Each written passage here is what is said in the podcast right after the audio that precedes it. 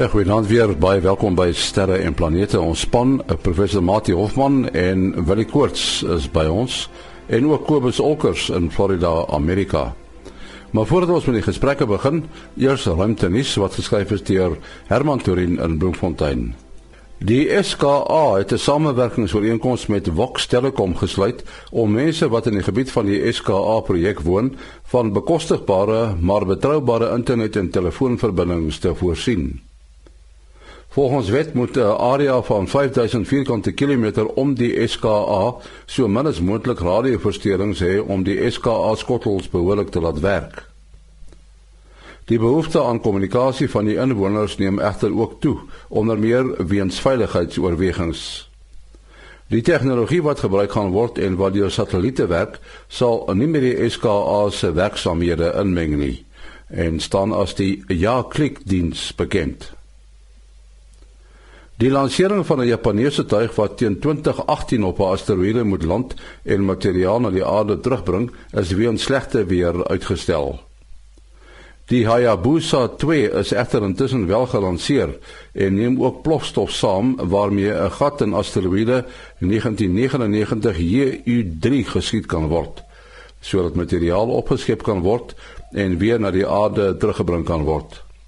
As alles goed verloop, behoort die tuig weer teen Desember 2020 terug by die aarde te wees. Die asteroïde se deursnit is so wat 0,03 km en word weens die maklike bereikbaarheid van sy wentelbaan as 'n ideale hemelliggaam beskou om besoek te word. Tot sover ruimtenis wat geskryf is deur Herman Turin in Bloemfontein. Kobus Olkers daar in Florida, Amerika is nou weer gereed om te praat oor die gedrag van die son.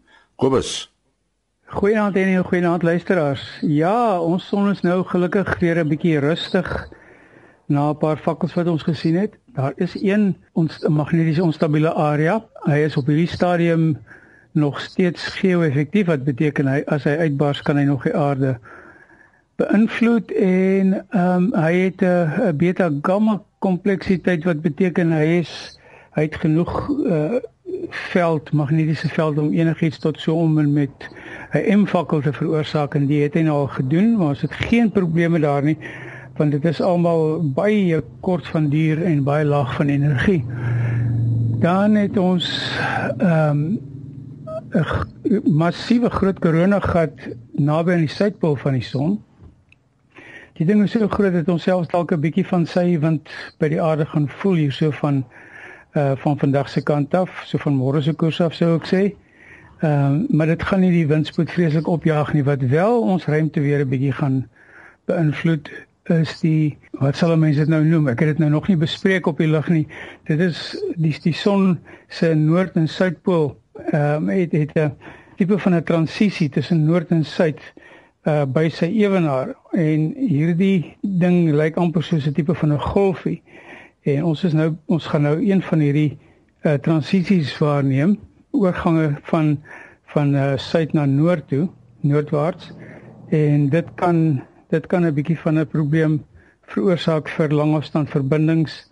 Uh maar mense by die by die pole gaan dit natuurlik pragtig vind want ons gaan baie mooi auroras hê. Ons kan op miskien op een of ander stadium hierdie hierdie ding bespreek, maar uh, ter opsomming die aarde is uh, is mooi veilig rustig van die son af. Ja, besonderhede Kobus? Kobus Olkers by gmail.com. Dis K O B U S O L C K E R S by gmail.com. Ja, soos gewoonlik Kobus Olkers uh, elke week in uh, Sterre en Planete daar uit Florida, Amerika. En ek kort van die SAAO en professor Mati Hofman van uh, ja, daardie plek met die hele klomp hoedens. Dit is die Universiteit van die Vrystaat, Digitale Planetarium en Boyden Sterrewag is ons gewone span. Ons gaan vanaand so 'n bietjie praat oor uh, ja, kom ons noem dit nou maar die belangrikste planeet uh waarvan ons weet en dit is natuurlik moeder aarde. Dis dis interessant uh wil jy dat 'n mens dink nou dat die aarde bestaan grootliks uit water en as 'n mens nou so dink as jy nie verkeerd nie, maar ek dink uh die mense dink onmiddellik aan die aan die oseane en die oseane is eintlik maar 'n kleiner deel van hierdie totale water hoeveelheid van die uh van die aarde, né? Nee. Ja, ja, dit is soos jy sê, mense praat ons praat maklik van die waterplaneet en en, en ons praat ook en ons dink uh, aan ons atmosfeer as suurstof, maar ons ons, ons asem eintlik stikstof in en so klein bietjie suurstof. So me, mense moet maal die goed lekker in in perspektief sien. Ja, ja, so as jy as jy net uh, oppervlakkigewys kyk dan en is dit 71% van die aarde se oppervlak wat uh, wat deur water bedek is. En en uh, so dis maar 29% wat nou die kontinente en die eilande en so aan is. Dis nou die doppie wat daar oor is en dit is nou wat jy wat jy van buite af sien. Ja, wat ook interessant genoeg is is dat ehm um, uh, slegs 3.5% van al die water op die aarde is varswater. So ehm, 'n um, mens is dis eintlik 'n baie baie spesifieke bron wat ons moet bewaar en en so voort. So ja, ons ons praat baie oor die bewaring van die van die planeet en en hoe ons mensdom besig is om om dit om dit uh, af te breek en in slegte behandel en en ek het eendag uh, iets gesien wat iemand geskryf het en gesê nee die planeet sal oorleef. Dit is net dalk nie ons wat sal oorleef nie. Of of ten minste die mens dan as 'n spesies so so uh, um, mens moet mens moet versigtig wees hoe jy hoe jy hoe jy omgaan met dit. Ja, op University Today is daar 'n oulike storieetjie wat, wat ons nou juis oor van praat. As jy nou net kyk na die na hierdie 3.5% vars water, dit is amper soos 'n druppeltjie wat net 'n stukkie van Amerika toemaak. Uh um en en dit sal omtrent seker in Suid-Afrika net mooi toemaak. En dit is dan die uh um die hoeveelheid vars vars water. 'n Interessante ding wat hulle ook uh hierso sê dat as die aarde perfekte bal gewees het en en al die ys het gesmelt. Natuurlik 'n baie groot gedeelte van ons varswater uh, sit vasgevang in ys uh in die pole en uh um, in in die poolstreke. Um en as as jy nou al hierdie ys sou smelt en en die aarde was glad geweest dan sou die aarde oppervlak 2.7 km onder die water gelê het. So dit is dit is nogal baie water, maar as 'n mens um begin kyk na die volume en en hoeveel dit dit eintlik eintlik beslaan dan is is dit van die massa van die aarde uh, is dit maar 0.02% wat die water uitmaak. So die die water is dan eintlik maar baie lig in vergelyking met met die met die massa van die aarde. Hey nee, mens kan dalk daarso so 'n uh, skaalmodel toevoeg. Dit wat ons van die aarde beleef is eintlik maar 'n oppervlakverskynsel. Uh die aarde se deursnee is so net oor die 12000 km. Uh maar wat vir ons uh oorlewing op aarde nou direk belangrik is, is die atmosfeer hier om ons en natuurlik die water wat dan nou op die oppervlak is. Nou die die atmosfeer wat vir ons belangrik is, trek so die eerste 10 km en dan kom ons vat nou maar die oseane, dit is op die diepste wel 'n paar kilometer uh, diep. Nou as ons vir ons die aarde voorstel as 'n meter groot bal, dan is die diepste oseaan en die hoogste posisie waar die uh, passasiersvliegtye vlieg is binne 'n millimeter op daai skaal of bo of onder die oppervlak. So dit wat ons beleef as hoe die aarde is, is maar net in hierdie millimeter op 'n skaal van 1 meter vir die grootte van die aarde. En nou om die aarde te vergelyk met 'n ander interessante voorwerp in die sonnestelsel, uh, iets wat mense nou nie normaalweg sou dink as iets baie interessant nie, maar die maan Europa van Jupiter is 'n fascinerende baan, uh, maan waar daar persentasie gewys baie baie meer water is as op die aarde. Uh om nou 'n vergelyking te gee, uh die diepte van ons oseaan het ons gesê is maar op die diepste paar kilometer, maar in hierdie geval geval van Europa is die water waar daar is is strek tot so op 'n diepte van 160 km terwyl Europa omtrent die grootte van ons maan is. Uh so daar's baie baie meer water as wat daar op die aarde is, veral nog in vergelyking dan met sy uh grootte. Ja, en die groot vraag is natuurlik waar kom hierdie water vandaan, né? Daai vraag is nog nie beantwoord nie. ja, die uh, water is 'n uh, direkte gevolg van die feit dat beide waterstof en suurstof volop die in die heelal is. Uh waterstof self is die mees volop element in die heelal. So mens kry die dit oral. As jy maar in die ruimte inkyk, sal jy kenmerke of tekens van waterstof kry en dit kom veral dan nou in digter hoeveelhede voor waar ons die uh, pragtige gasnevel sien. Nou uh suurstof is weer 'n element wat uh in sterre by wyse van kernsmelting gevorm word en dan uh as die supernova sterre ontplof dan word die interstellêre ruimte weer uh, verryk met hierdie suurstof. So die bestanddele waaruit water bestaan, water 'n watermolekuul is mos nou twee waterstofatome plus 'n suurstofatoom. Uh, die bestanddele is volop, maar nou het jy 'n uh, omgewing uh, nodig waarin 'n chemiese reaksie kan plaasvind. Ehm um, en dit is nou nie sommer enige plek waar dit uh, plaasvind nie.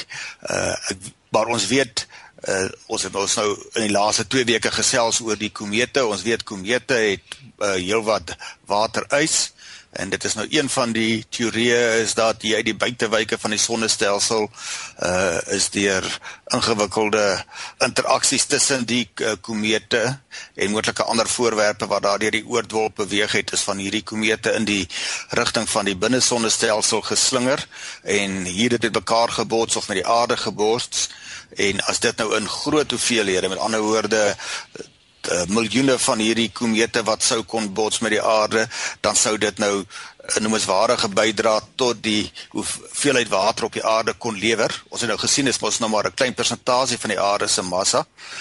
Maar ek het nou ook al gesê die kenners sê dis waarskynlik nie 'n genoegsame verklaring waar die aarde se water vandaan kom nie. Wat ons wel weet is daar's nou soos jy gesê het elders in die uh, uitspansel ook water. Uh, ek dink mense het gedink uh, die aarde is die enigste plek met water en uh die mense het baie bly geword toe hulle agterkom dat daar water was op Mars. Maar nou soos uh Mati gesê daardie maan van Jupiter uh Europa wat soveel water het. Wat hy in spuit hy ook die water uit of is dit Enceladus wat die water uitspuit? Ek dink is meer Enceladus. Die, die Europa het nou die yslaag wat hy wys wys baie krake.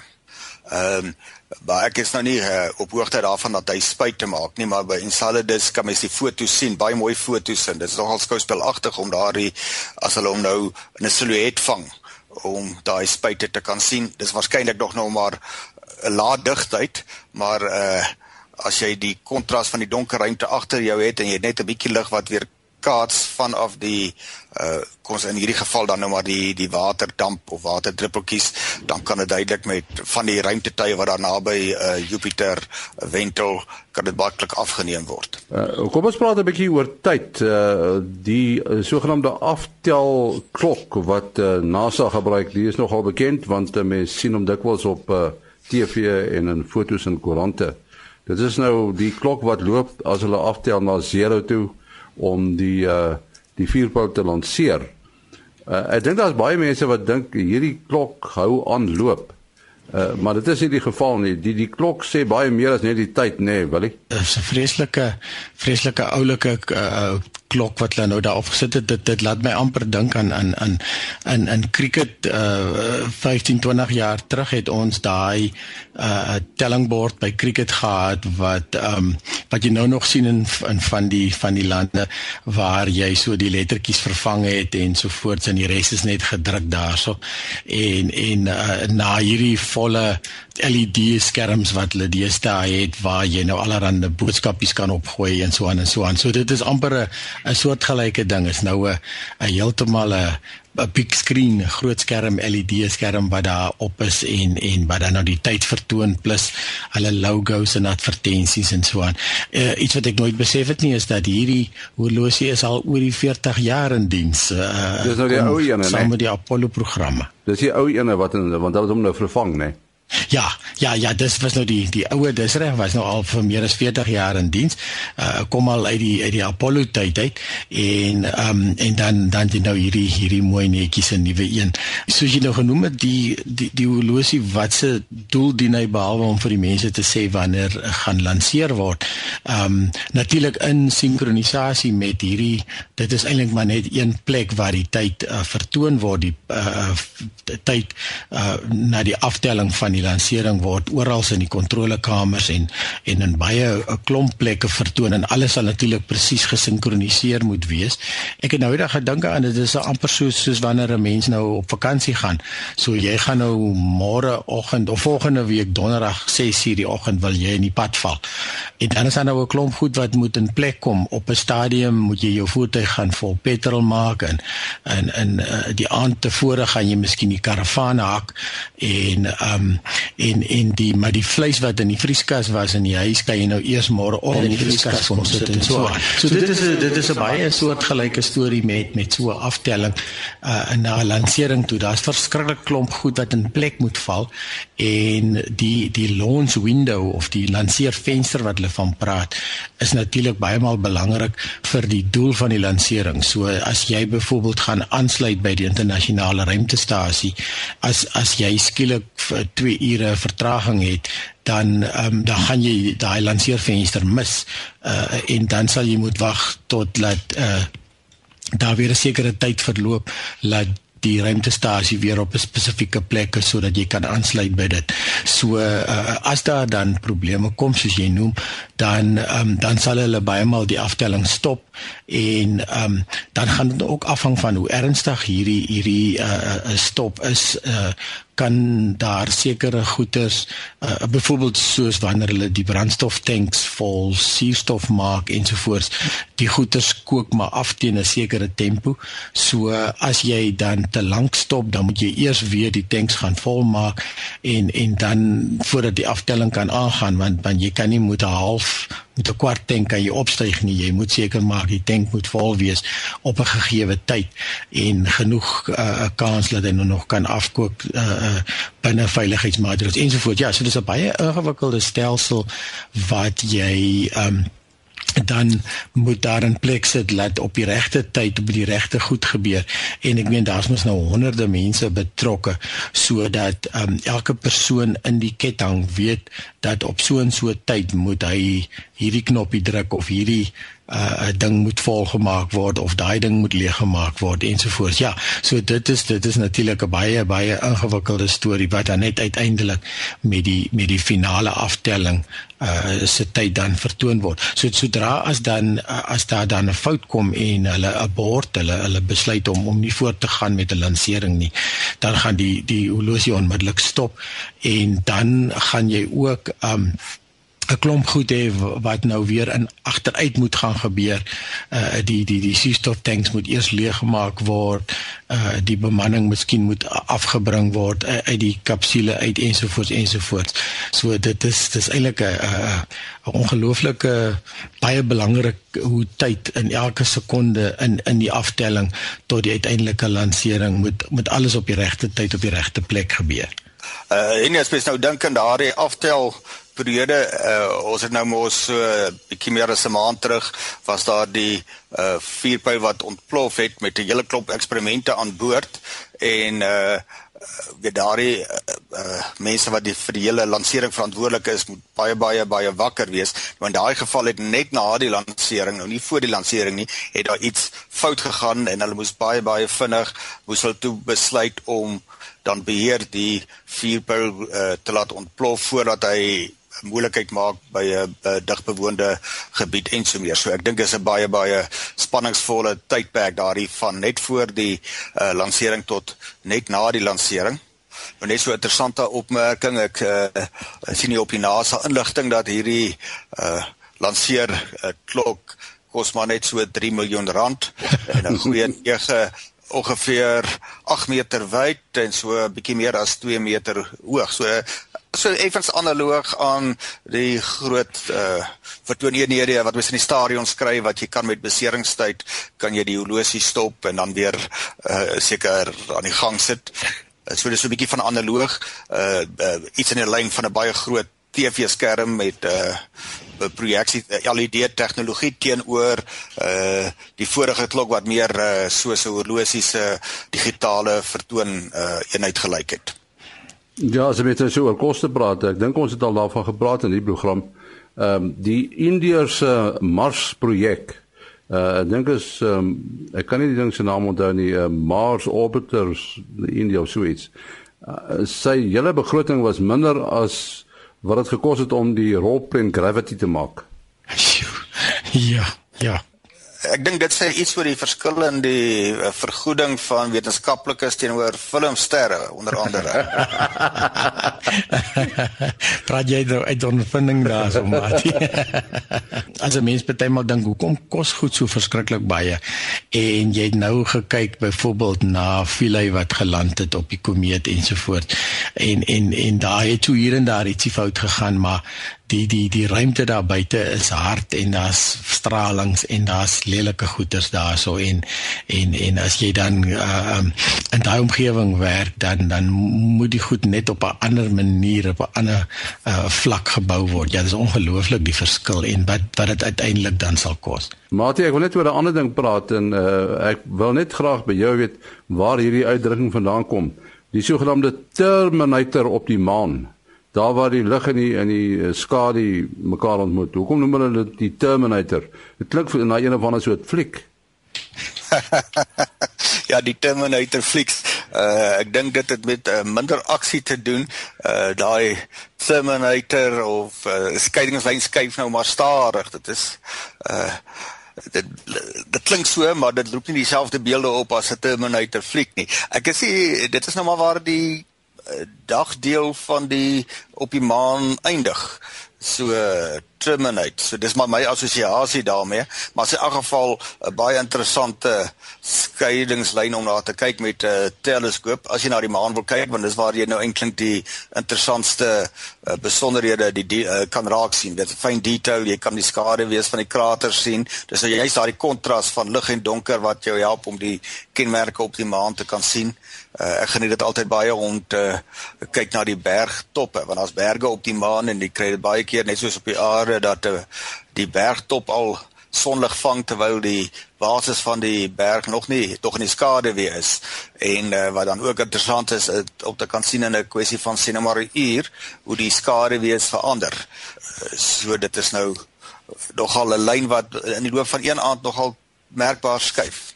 Maar natuurlik van aand tot aand kan jy nou sien hoe hy skuif soos die fase van die maan of uh groei of uh, kleiner word. Ja, die die ekwivalent hierso op aarde is natuurlik nou maar soos die Bolandse berge wat ons nou bevoorreg is om te sien elke aand. En dan kry jy dan dieselfde geval in in die dag as die sonlig van bo af skyn en en die is harde uh, skadelose uh, beligting dan dan sien jy maar net hierdie massa daar so maar in die aand as die as die son begin laag sit en en vang die berge skuins dan kan jy al die plooitjies in die valleie en en al die detail baie mooi sien. So soos Mati gesê het is is deur 'n teleskoop is dit eintlik maar die gedeeltes wat jy dan graag bekyk uh deur 'n teleskoop uh um hier al op die randjie langs waar die son besig is om op te kom as die son besig is om te as die maan besig is om te groei die fase of as hy besig is om af te kom dan is die son besig om onder te gaan op daai gedeeltes van die maan. Uh daar is sulke uh, noem dit nou maar terminator tours wat jy op op Google mense wat nou met teleskope en selfs net verkykers ook al uh, na die maan wil kyk uh um, dan sê dit vir jou as die as die maan so oud is, 3 dae oud is, dan moet jy dit sien. Nou uh, moet jy onmiddellik dink nou wat beteken dit die maan is mos daarom al bitter oud. Hoekom sê ons die maan is 3 dae oud? So dis natuurlik 3 dae na nuwe maan. So jy gaan kyk op jou kalender wanneer is nuwe maan en en en as hy sê die maan is 3 dae oud dan dan moet jy nou hierdie hierdie 'n uh, uh, bergreeksie sien of soveel ure selfs dan uh, dan kan jy hierdie uh, goedjies dan is dit baie makliker om kom hierdie obskure goedjies raak te sien en dan sien jy natuurlik nou ook uh, gedetailleerd omdat jy nou hierdie beligtingfaktor het wat ons nou van praat. Mati, vertel 'n bietjie ietsie oor uh, sogenaamde aardskyn op die maan. Uh, ja, dit is nogal 'n baie interessante ding wat uh, mense nie sommer aan dink nie. As mens na die maan kyk, uh, 'n mens vra nou vir iemand uh sommer net wie kyk met willigheid uit of om op hulle te laat dink, weet eerstens uh hoekom uh lyk die maan soos 'n sekel? weet dan's die die eerste reaksies baie keer om dit te gaan interpreteer in terme van die aarde se skade weer wat daar val, maar dit is natuurlik nie die geval nie. Uh die dit is nou maar die deel van die maan wat verlig is. Die aarde se skade weer val net op die maan wanneer dit 'n uh, maansverduistering is. Uh so daar's net 'n afhangende van die hoek tussen die son en die aarde en die maan uh sien mens nou 'n bepaalde fase. Uh maar as ons nou die situasie uh neem waar ons nou nog 'n baie klein sekelmaan het. So enke so kom sê net maar so tot so 3 dae na uh na nuwe maan. Dan kan mens daai klein sekeltjie van die maan sien. Dis gewoonlik nog al 'n baie mooi toneel. Veral as jy nou 'n mooi voorgrond het waar teenoor jy dit kan afneem. Uh maar dan sal dit mens opval, jy kan 'n hele sirkel sien. Jy kan die uh, onbeligte deel van die maan ook sien, maar net natuurlik baie dowwer as die helder verligte uh, sekeldeel. Nou dan is die vraag maar hoekom kan 'n mens dit sien? Want die son se lig kan mos nou nie om die maan buig sodat die kant van die maan verlig is wat aan die teenoorgestelde kant uh, van die son is nie. Nou wat mens daarna kyk is uh, soos jy reeds geïmpliseer het, is aardskyn. En die interessante ding is as dit nou nuwe maan is uh vir ons, dan is dit op die maan as jy daar sou wees aan die kant waar die aarde is, dan sou jy na vol aarde kyk want die aarde sit dan teen, aan die teenoorgestelde kant van die maan se oppervlak van waar af jy die aarde kan sien as die son. Uh so die son is agter jou en die kant van die aarde wat dan na die maan gerig is, is vol verlig. So uh dan sal die fase van die aarde soos gesien vanaf die maan sal 'n klein bietjie kleiner word as vol aarde wanneer dit nou vir ons van die aarde gesien af 'n uh, sekelmaan is. So uh dit beteken as jy dan nou op die maan is, gaan jy amper vol aarde hê en jy gaan dan baie helder uh aardlig hê, aardskyn hê en die aardskyn op die maan gaan baie helderder wees as die volmaan se uh, lig op die aarde en dit weet ons uit ondervinding is nogal heel helder. Ons kan goed buite regkom sonder 'n flits as dit volmaan is. Uh dat die volaarde se lig gaan baie helderder as dit wees. Uh eerstens omdat die aarde uh, baie groter as die maan is en tweedens omdat hy ook baie meer weerkaatsend is as die maan. So mense kan dan die uh aardlig op die maan sien. Ons kyk dan na ons eie lig weer terug weerkaats en uit 'n uh, wetenskaplike oogpunt kan dit nogal baie nuttig wees uh, en hulle doen dit van onder andere die McDonald sterrewag om hierdie aardskyn op die maan te meet. En die aardskyn op die maan gee dan 'n aanduiding van hoeveel lig deur die aarde van wat vanaf die son by die aarde aankom weer terug in die ruimte in weerkaats word en dit gee mens dan uh, weer hou vas op die totale energiebalans. Want hoor hoeveel energie kry die aarde vanaf die son? Uh, dit weet ons redelik goed en deur hierdie aardskyn te meet op die maan wat nou nie so maklik is om te meet nie. Uh weet mens dan hoeveel energie weer die ruimte ingegaan so jy kry uh dan uit jou vergelykings in jou vergelykings kan jy dan gaan aflei uh wat is die energiebalans, die netto hoeveelheid energie wat die aarde wen of verloor. Afsluit tyd ongelukkig. Wat is jou besonderhede? Ja, mense kan bel SMS of WhatsApp 072457 0724579208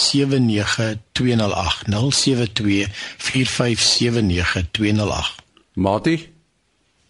Uh nee 0836257154 0836257154